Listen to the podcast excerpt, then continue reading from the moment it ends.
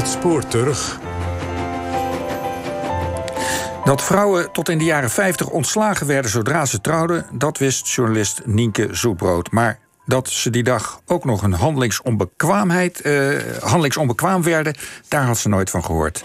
En ook niet van de politica die haar hele leven streed om dat te veranderen, Corrie Tendelo. Zoetbrood ging op zoek naar het verhaal van deze eenzame strijdster voor vrouwenrechten. Luister naar het resultaat, getiteld Weekend Corrie Tendelo.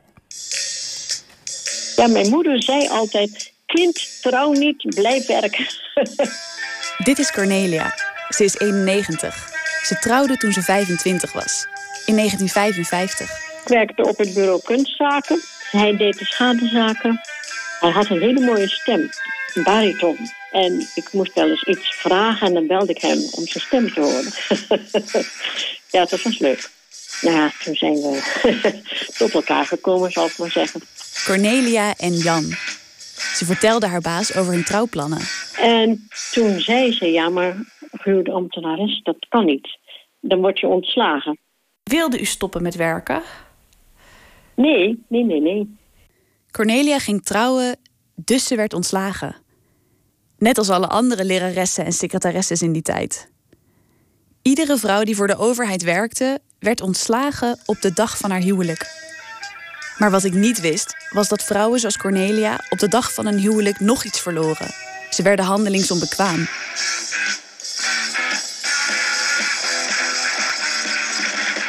Ik begon er meteen van te stuiteren toen ik het las.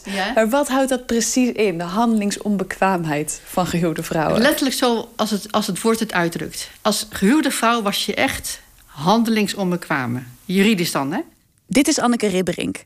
Ze is historica, verbonden aan de Vrije Universiteit en gespecialiseerd in politiek en gender. In feite waren gehuwde vrouwen op dezelfde lijn als geesteszieken en onmondigen. Die ook onder, je was onder voogdij. Die waren onder voogdij van een instelling. De gehuwde vrouw was onder voogdij van haar echtgenoot. Als handelingsonbekwamen vrouw kon je geen eigen bankrekening openen. Je kon geen verzekering of hypotheek afsluiten. Handelingsonbekwaamheid betekende dat de kinderen in het geval van een scheiding automatisch naar de man gingen. Dit is Madeleine van den Nieuwenhuizen, rechtsfilosoof en generatiegenoot. En ja, waar ik erg van schrok was gewoon de consequenties daarvan op alle fronten. Je was dus net als kinderen en wat ze in die tijd noemden zwakzinnige, onmondig. Uh, de dag van je jaarwoord. En dat is zo wrang, want het is natuurlijk ergens een hele feestelijke bedoeling. Uh, je snijdt die taart aan, je ziet er mooi uit, je belooft samen te zijn tot, uh, tot de dood je scheidt. maar feitelijk wat je doet is het ondertekenen van een, van een economisch en juridisch onderwerpingsverdrag aan je man. En ik denk dat niet veel vrouwen het in die tijd zo zagen, maar dat was feitelijk gezien wel wat er gebeurde. Ik moet het even laten inzinken. Had ik 64 jaar geleden geleefd, dan had ik geen eigen bankrekening gehad, kon ik geen verzekeringen afsluiten en het huis op mijn naam onmogelijk. Ik was juridisch gelijk geweest aan een kind, of zoals ze het toen noemden, een onmondige, een geesteszieke.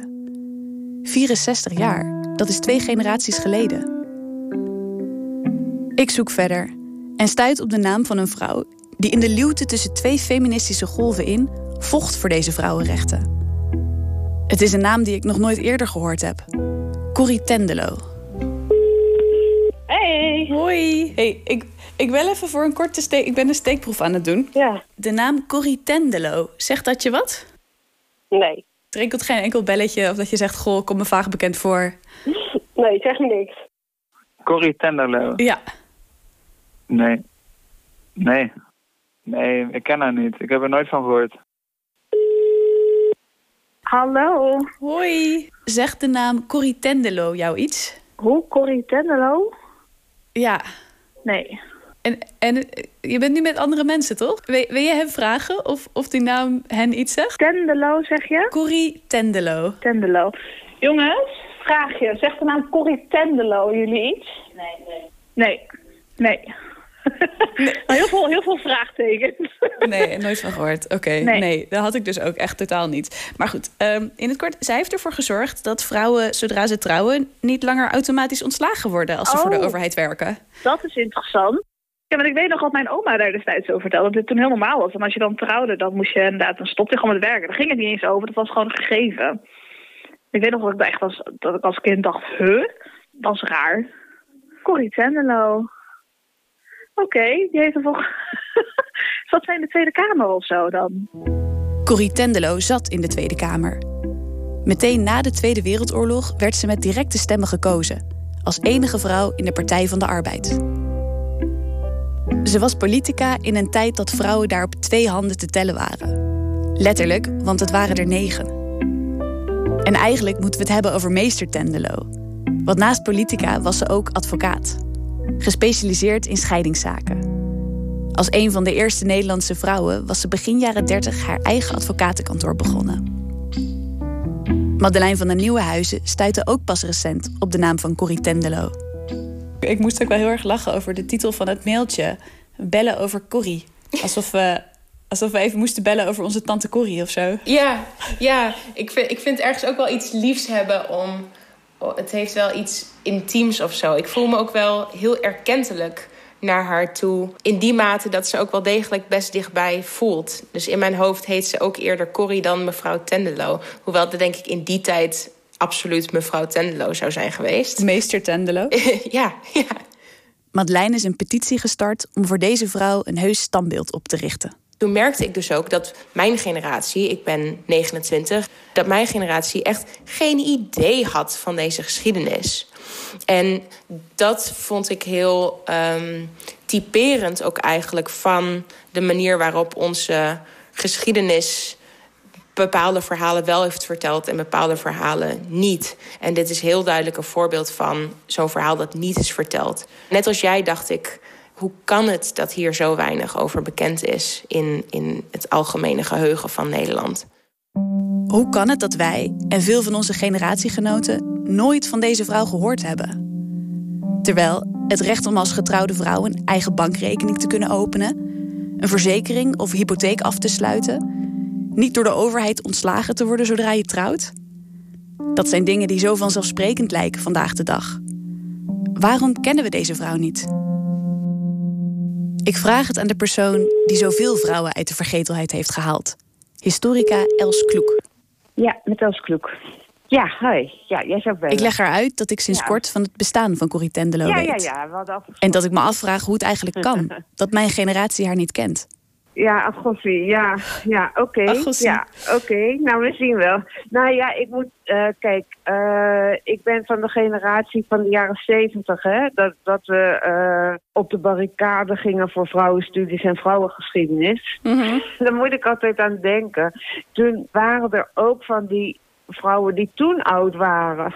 Dames in bloemetjesjurken en met gaatjes schoenen aan. En wij waren jong en uh, boos en vonden dat alles heel anders moest. En je zag hun een beetje vermoeid naar ons kijken, omdat wij de hemel aan het bestormen waren. En soms heb ik nu het gevoel dat dat zich herhaalt. Oh, echt Als je begrijpt wat ik bedoel. ja, ja, ja. Is in deze vergelijking, bent, bent u dan de, de, de, de vrouw met de bloemetjesjurk en de gaatjeschoenen? Ja, ik ben nu de, ja, ik probeer heel erg hartstochtelijk om niet de bloemetjes weer te vertegenwoordigen. Het maakt altijd dat ik een beetje voorzichtig ben. Want ja, iedereen, iedere generatie moet dat geloof ik toch weer opnieuw uh, ontdekken hoe het allemaal zit. Misschien dat vrouwen ook wel vergeten het dan aan volgende generaties echt door te geven. Uh, hoe hard ze hebben moeten vechten om, om dingen te veranderen. Iedere generatie moet opnieuw ontdekken hoe het allemaal zit. Als ik wil weten hoe het allemaal zit, wie deze Corrie Tendelo was en wat zij met handelingsonbekwaamheid te maken heeft en ontslagen vrouwen, dan vind ik één boek. Een proefschrift van Anneke Linders uit 2003. Zij is inmiddels overleden, maar ik kom in contact met haar man, Gerard Mostert, die haar hielp met het onderzoek. Nou, ze zei eigenlijk: Ik heb een paar keer gelezen over de motie Tendelo. En dat hier uh, vertelde ze wat dat inhield. Maar ik weet helemaal niet wie die Tendelo was. En toen ik tien jaar was, toen heeft zij uh, gezorgd dat er een, een, wet kwam die vrouwen handelingsbekwaam maakte. Terwijl ze dat nog niet waren. Dat is heel belangrijk. Maar ik weet niks van die Tendelo. En daar kon ze helemaal niks over vinden. Ergens stond wel nog een regeltje van... Tendelo was een vurig strijdster voor vrouwenrechten. Dus toen dacht ze, nou, ik ga proberen uit te zoeken wie Corrie Tendelo was. Dat had al veel eerder kunnen gebeuren natuurlijk, want Tendelo is overleden in uh, oktober 56. En uh, Anneke is begonnen met haar onderzoek. Het eerste begin, dat was in uh, eh, 91. Meer dan tien jaar speurde hij en Anneke s'avonds en in het weekend in de archieven. Op zoek naar sporen van Corrie Tendelo. Makkelijk was het niet. Ze heeft helemaal geen eigen archiefje nagelaten of zo. Er zijn prentbriefkaarten, aanzichtkaarten bewaard gebleven en een paar brieven. En dat is het. Wat we wel weten is dat Corrie Tendelo geboren werd in 1897. Poppy werd het meisje door iedereen genoemd. Door haar donkere haar en grote bruine ogen. Haar vader was een hoge bestuursambtenaar op Nederlands-Indië. Maar hij stierf toen ze vijf was. En haar moeder kwam er met drie kleine kinderen alleen voor te staan. Ze verhuisde terug naar Nederland, waar Corrie's oom het voor het zeggen had. Want de man stond vanzelfsprekend aan het hoofd van het gezin. Daar moest de jonge Corrie niks van hebben. Ze moest en zou, net als haar broer, naar het gymnasium. En in plaats van onderwijzeres te worden, een van de weinige respectabele vrouwenberoepen in die tijd, ging ze in de jaren twintig rechten studeren. Nederland was in die tijd een religieus land. De dominante confessionele partijen zagen al jaren met ledenogen aan hoe steeds meer meisjes zoals Corrie gingen studeren en werken. Dat kon zo niet langer. In 1924 hadden ze succes. Vrouwen die voor private bedrijven werkten, konden ze niks verbieden. Maar vrouwen die bij de overheid of de gemeente werkten wel. Zij werden vanaf dat moment automatisch ontslagen zodra ze trouwden. Dat zij dus de opvatting hadden dat de gehuwde vrouw thuis hoorde. Dit is historica Anneke Ribberink weer. En het was buitengewoon hardnekkig. Het idee bleef hardnekkig, de 30 jaar die daarop volgden. Begin jaren 50 was Nederland nog echt helemaal in de sfeer van de wederopbouw. En zeer conservatief. Minister-president die echt vond dat vrouwen, gehuwde vrouwen thuis moesten blijven. Dat zei hij ook gewoon. De gehuwde vrouw moet niet in het arbeidsproces. En het is zelfs tot in de jaren 60 nog zo geweest... dat men vooral liever daarom ook de gastarbeiders aantrok... dan dat men het openstelde voor de gehuwde vrouw. Wat men wel begon te accepteren was dat steeds meer meisjes in het arbeidsproces kwamen. Die mochten ook wel eh, dan, eh, weet je wel, in kantoorbanen... Uh, en ook onderwijsres. Maar zodra ze dan moeder werden, of tenminste gingen trouwen... dan moesten ze zich kunnen voorbereiden op hun moederschap... en dan was het gedaan. Dat betekende dat de man de kostwinnaar was, of hij nou wilde of niet. Hij was degene die de centen verdiende en die de beslissingen nam. Mannen hebben het, eh, de hersens, vrouwen hebben het gevoel. Mannen doen het buitenshuis, die hebben de leiding. Vrouwen hebben het volgen. De westerse cultuur was daarvan doordrongen vanaf de klassieke oudheid. Mijn moeder vond het ook nog hoor, dat ja, heel normaal. De papa is het hoofd van het gezin, hè? dat hoort toch zo.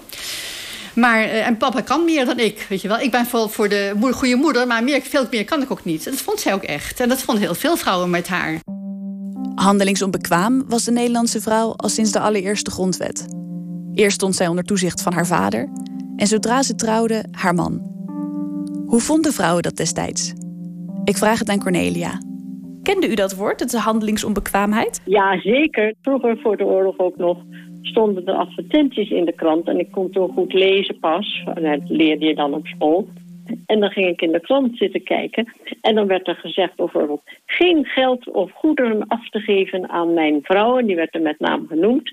Daar, door mij wordt niets betaald. En dan werd er ondertekend met de mansnaam. Want die vrouwen die kregen niks. Die kregen geen cent. Die moesten voor de, de hand ophouden voor alles. En dat was natuurlijk heel erg. Die mannen hielden hun vrouwen kort zodat ze echt onderdanig bleven.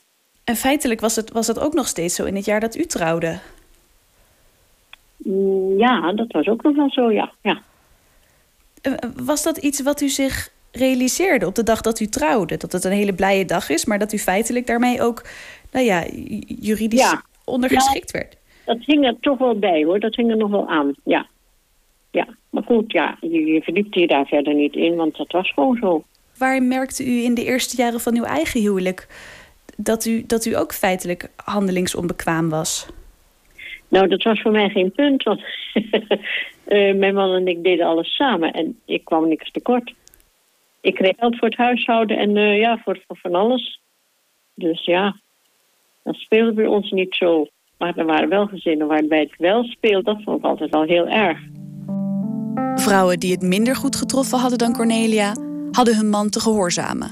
Die kon gewoon bij wijze van spreken, wat niet vaak voorkwam, tegen zijn vrouw zeggen: Ik heb de huishoudportemonnee. En als jij naar de winkel gaat, heb je aan mij toestemming te vragen. Zodra het over belangrijke aankopen ging, het huis kopen, nou ja, dat, dat besliste de man. Als een vrouw, een gehuwde vrouw, een rijke familie had, haar vermogen kwam in bezit van haar man. En ze mocht het wel nog wel beheren, maar de beslissing lag bij de man. Dus als die op een gegeven moment, wijze van aan de, aan, bij de casino's ging verpatsen, kon zij daar niets tegen doen. Zonder zijn toestemming mocht de vrouw geen geld uitgeven. Alleen voor het huishouden werd een uitzondering gemaakt. Zo was het stilzwijgend vastgelegd in de wet. De man als kostwinnaar, de vrouw als huisvrouw. Ik kan vandaag gewoon een bankrekening openen. Kon u dat ook destijds? Ik denk het niet. Je leefde gewoon zoals het toen was. En ik, ik had er zelf geen last van. Zij had er geen last van dat ze handelingsonbekwaam was. Nee, de generatie voor haar, die had het zwaar. Ik weet niet zo goed wat ik daarvan moet vinden. En je moet dus een soort uh, koord bewandelen waarin je enerzijds niet betuttelend wil zeggen: oh, die vrouwen hadden zich onderdrukt moeten voelen, want dat was feitelijk wat er gebeurde. En je wilt tegelijkertijd ook wel kunnen zeggen: ja, maar wat er gebeurde was ook echt niet in de haak, ook als mensen het zelf niet allemaal door hadden. Kijk, in de jaren 50 trouwde gemiddeld 95% van de vrouwen. Dat betekent dat tot in de jaren 50 bijna de helft van de Nederlandse bevolking handelingsonbekwaam was. We denken niet daarover na in die termen. Alleen dat is, van een, dat is, dat is een kolossaal onrecht. Ook Corrie Tendelo vond het een kolossaal onrecht dat vrouwen juridisch ondergeschikt waren aan mannen. Naast politica was ze advocaat in haar eigen firma. Scheidingszaken waren haar specialiteit. In die rechtszaken zag ze hoe weinig rechten vrouwen hadden, zeker als ze eenmaal getrouwd waren.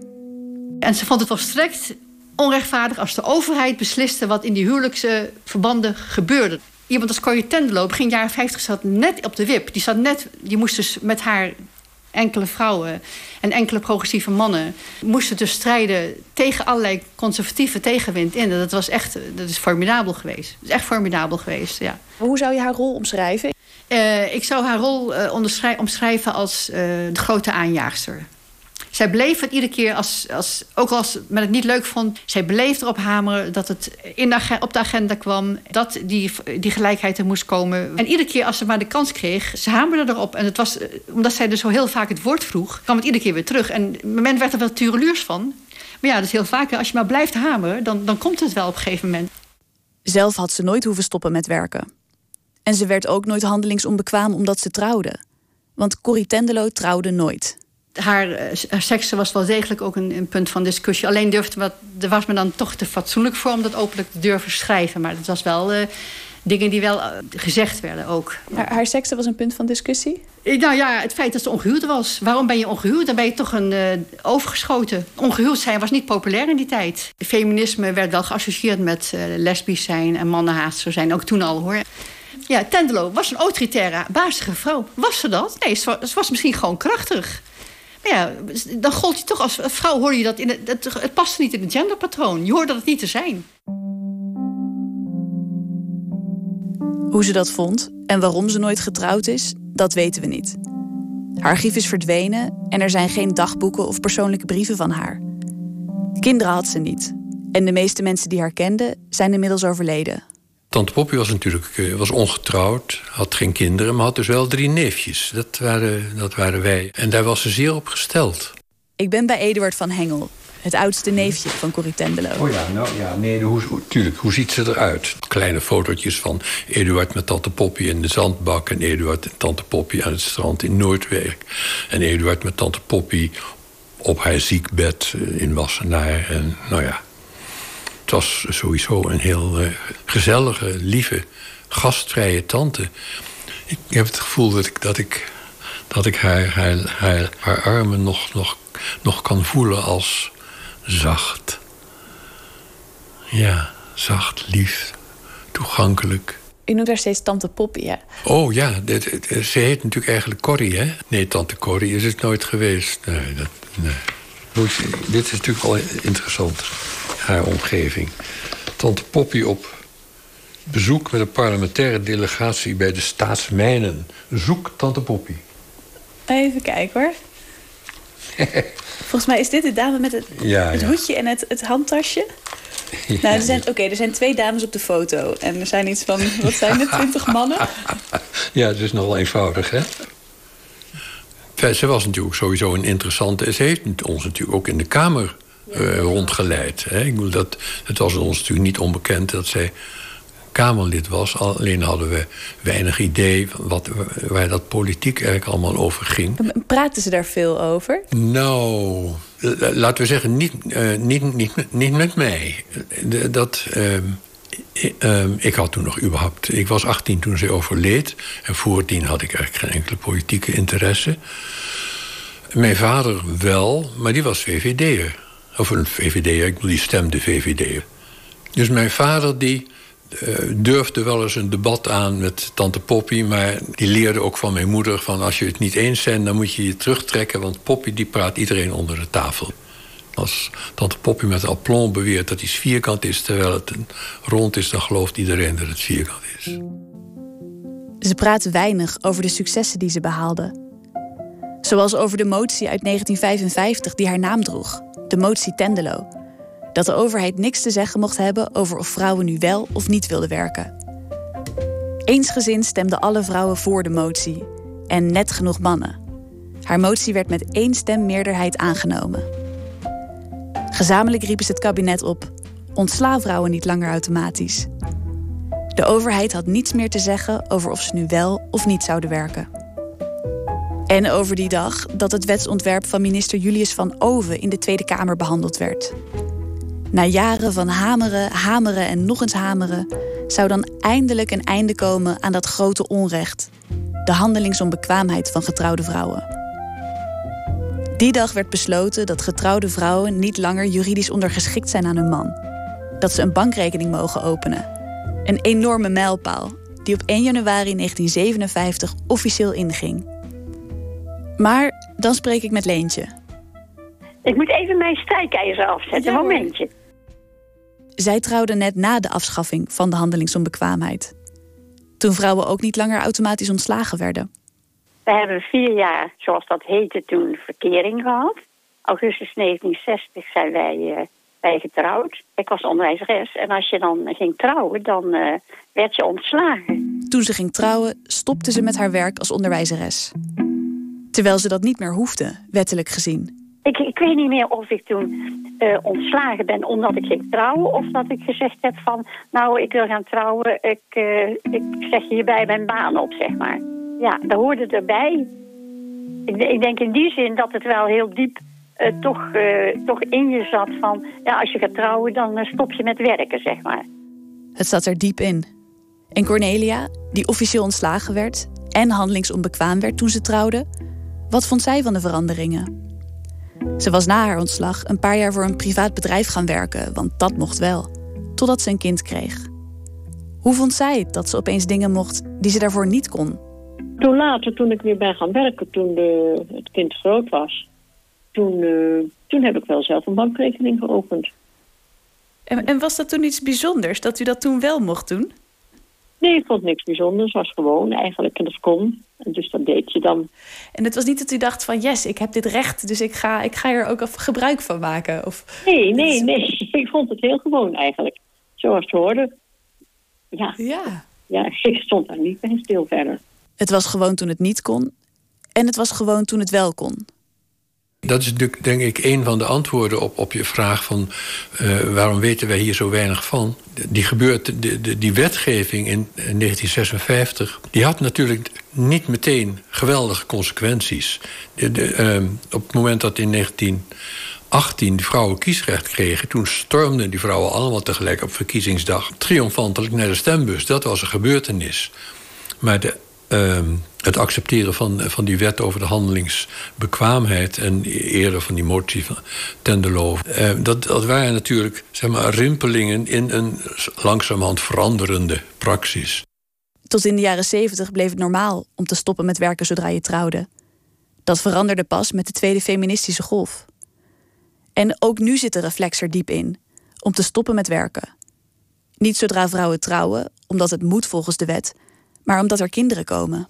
Ik denk dat we heel graag nadenken over arbeidskeuzes vandaag de dag als keuzes die gemaakt worden vanuit volledig vrije wil. En ik denk dat heel veel vrouwen bijvoorbeeld die, die ervoor kiezen om deeltijd te gaan werken, ook heel erg met zekerheid zullen zeggen: ik doe dit omdat ik dit wil. Omdat ik graag die zorgtaak op me wil nemen, omdat mijn man misschien uh, meer verdiende dan ik. Dat is statistisch gezien vaak het geval. Het is niet dat ik nou zo op de trom van voltijd werken wil, wil slaan. Ik, ik, ik zou iedereen gunnen om in deeltijd te kunnen werken. Alleen je ziet dat statistisch gezien het overweldigend vrouwen zijn die in deeltijd gaan werken. En ik denk dat dat met die geschiedenis te maken heeft. Dat idee van die vrije wil, daar zou ik een beetje aan willen tornen. Want ik denk dat het voor, voor een deel absoluut voorkeuren zijn en in die zin een vrije keuze is. Maar het is ook het product van een hele lange geschiedenis waarin vrouwen stelselmatig economisch vleugellam werden gemaakt. Waar mannen en vrouwen nog altijd de gevolgen van ondervinden.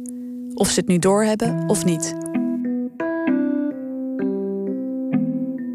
Hoe denkt u dat uw tante vandaag de dag om zich heen zou kijken naar mannen en vrouwen in Nederland? Nou, die zou dat natuurlijk toch heel mooi vinden. Te zien dat, ja, die zou zeggen: heeft dat zo lang moeten duren?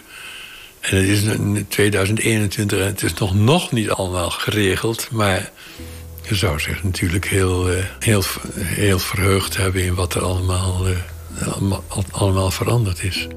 Tendelo heeft het zelf niet meer meegemaakt dat haar motie uitgevoerd werd, dat vrouwen niet langer ontslagen werden. En ook niet dat de handelingsonbekwaamheid officieel opgeheven werd. In mei 1956 waren de debatten daarover.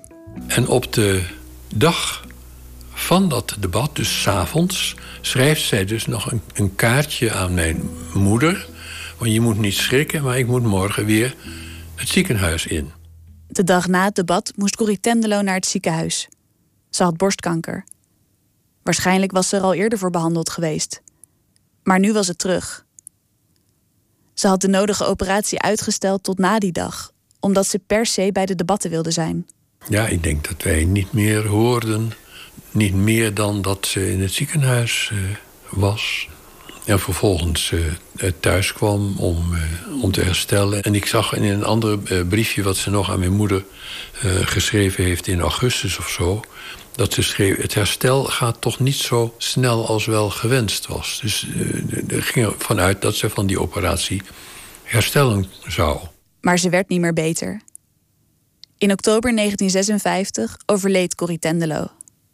De droevige kant van het verhaal is... Uh, ze heeft het gemist... Uh, om, om te zien dat het, de wetsontwerp werd aangenomen in mei... maar de uitvoering daarvan dat heeft natuurlijk, ik denk dat uh, pas het volgend jaar is dat ingegaan. En haar, eerdere succes was die motie Tendelo over het ontslagverbod. Maar dat is natuurlijk, een motie kan de regering naast zich neerleggen. En als je nou over Tendelo kijkt, waarom is zij nou eigenlijk ook zo vergeten? Dan denk ik van ja, het was natuurlijk een hele belangrijke vrouw. Hele knappe vrouw ook. Ze was een hele goede juriste. Ze had natuurlijk veel meer kunnen bereiken dan ze heeft bereikt. Maar ze is vroeg gestorven. Kijk, toen zij, uh, ze, is, was 59 toen zij kwam te overlijden.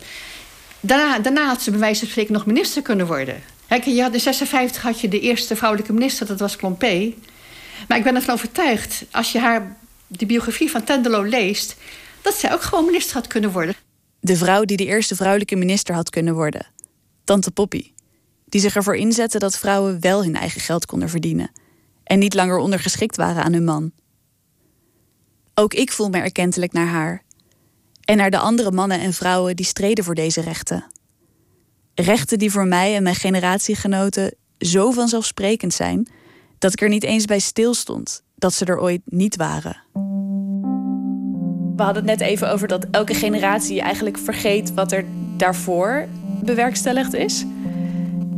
Ja zouden we het eigenlijk wel moeten weten? Zou er wel zo'n soort overschrijdend geheugen moeten zijn? Of is het eigenlijk niet, niet erg dat elke generatie daar opnieuw achter moet komen? Um, nou, het is natuurlijk wel een beetje gek. Kijk, wij zijn in de jaren zeventig begonnen met, die, uh, met dat actievoeren voor meer aandacht voor vrouwen in de geschiedenis.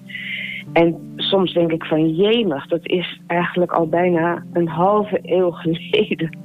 Wat heeft opgeleverd. Wat heeft het opgeleverd?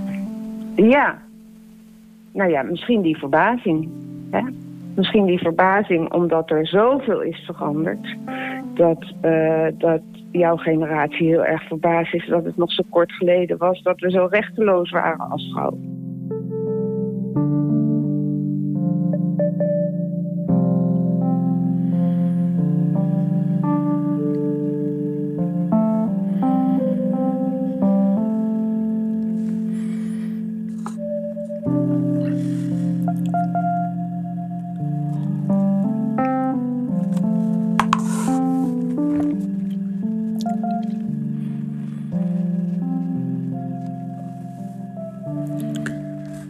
Dit was Weekend Corrie Tendelo, een documentaire van Nienke Zoetbrood. Eindmix gedaan door Alfred Koster.